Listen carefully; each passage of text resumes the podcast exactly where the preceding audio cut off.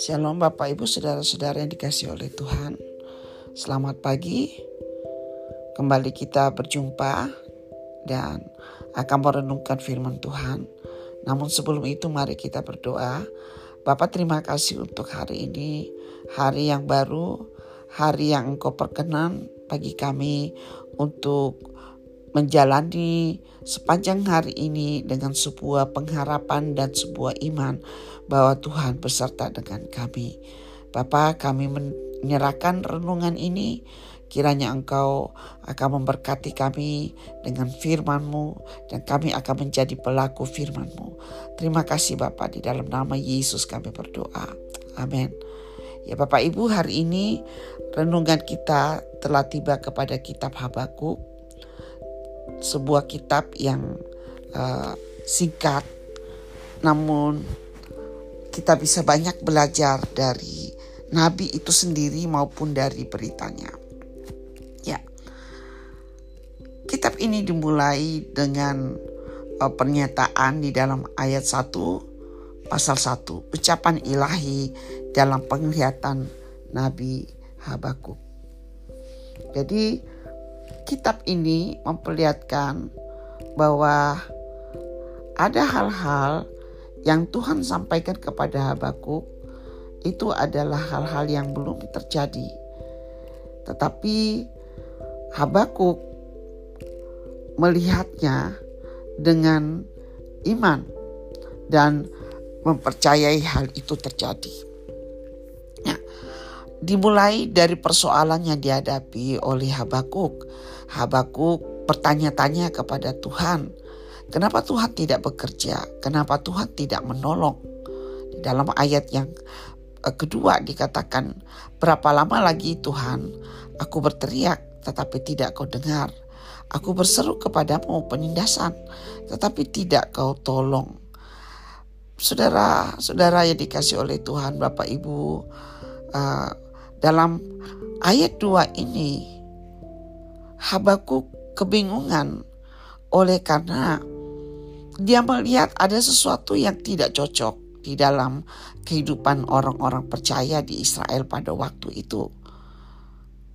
Kehidupan yang terbalik dari apa yang mereka atau siapa yang mereka sembah. Orang-orang Israel menyebut diri mereka sebagai umat perjanjian.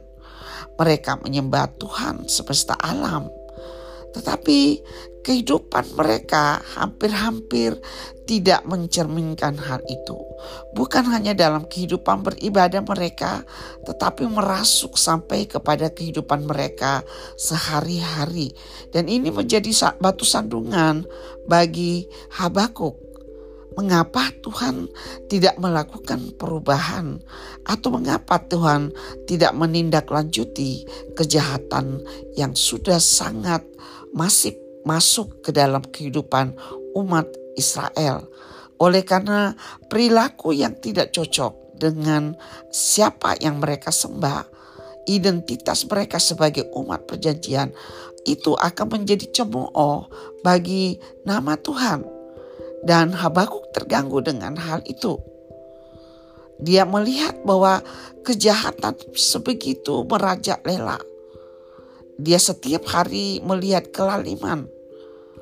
Dia setiap hari melihat aniaya, kekerasan, ada perbantahan, ada pertikaian. Sebuah gambaran yang benar-benar kontras dengan Allah. Allah yang kudus, Allah yang adil, Allah yang membela eh, orang-orang yang lemas dan sebagainya.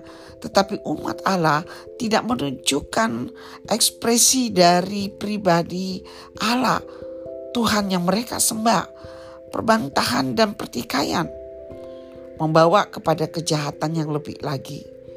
Pada waktu uh, perbantahan atau pertikaian ini tiba kepada pengadilan yang menjadi pengharapan bahwa di situ hukum akan ditegakkan. Tetapi Habakuk juga mengamati bahwa hukum pun ternyata telah menyerap kejahatan kefasikan, kelaliman. Sehingga pada saat pengadilan memutuskan, keadilan itu muncul terbalik. Yang salah menjadi benar, yang benar menjadi salah. Dan situasi ini membuat Habakuk berseru kepada Tuhan di dalam ayat 2. Aku berteriak, dia berdoa Sebenarnya pertanyaan kebingungannya ini bukanlah pertanyaan kebingungan ketidakpercayaan atau kekecewaan kepada Tuhan, tetapi karena tidak memahami dan berseru itu adalah sebuah ungkapan Tuhan tolong aku untuk memahami hal ini. Mengapa di dalam pemahamanku aku melihat engkau seperti Allah yang berdiam diri, Allah yang membiarkan kejahatan.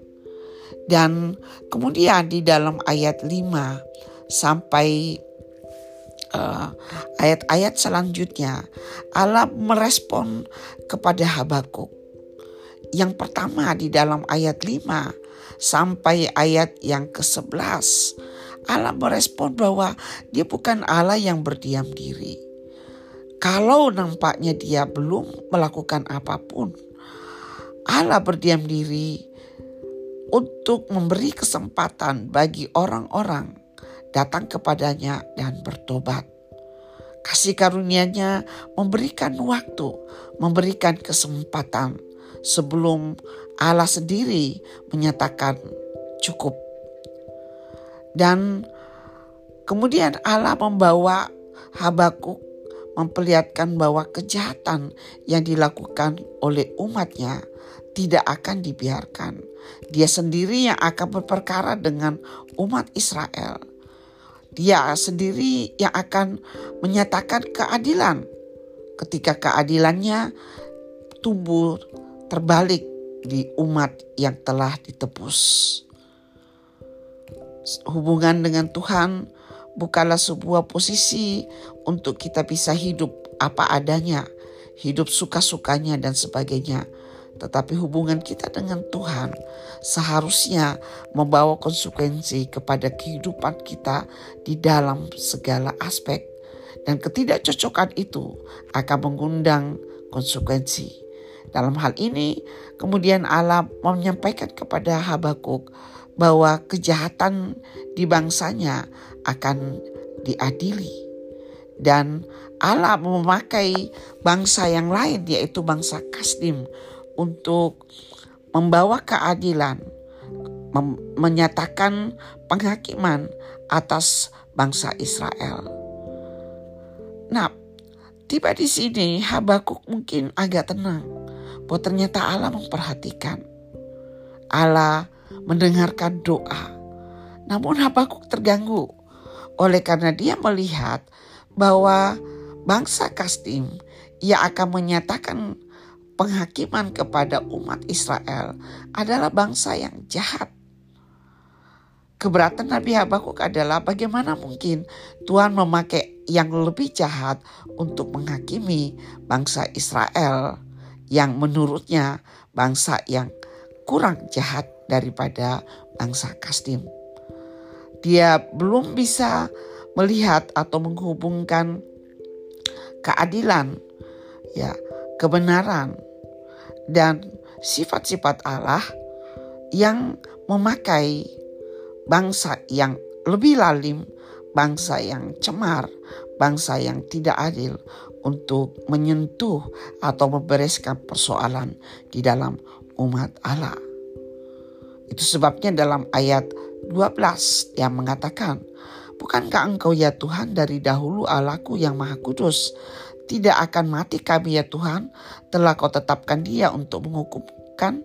Ya gunung batu telah kau tentukan dia untuk menyiksa. Matamu terlalu suci untuk melihat kejahatan dan engkau tidak memandang kelaliman. Mengapa engkau memandangi orang-orang yang berbuat kianat itu dan engkau berdiam diri apabila orang fasik menelan orang yang lebih benar daripada dia. Nah ini adalah pertanyaan yang kedua dari uh, Nabi Habakuk ya dan di dalam hal ini kemudian Allah merespon uh, Habakuk nanti di dalam pasal 2 dengan sebuah kebenaran yang akhirnya menarik Habakuk untuk naik kepada level kepercayaan kepada Tuhan, level yang mempercayai Tuhan apa pun yang terjadi, level mempercayai Tuhan tanpa syarat. Namun pasal satu ini membawa kita kepada sebuah kebenaran Bapak Ibu bahwa hal bertanya, hal seperti uh, menguji kembali apa yang kita percayai dan membawa kepada terang firman Tuhan. Itu adalah perilaku yang benar.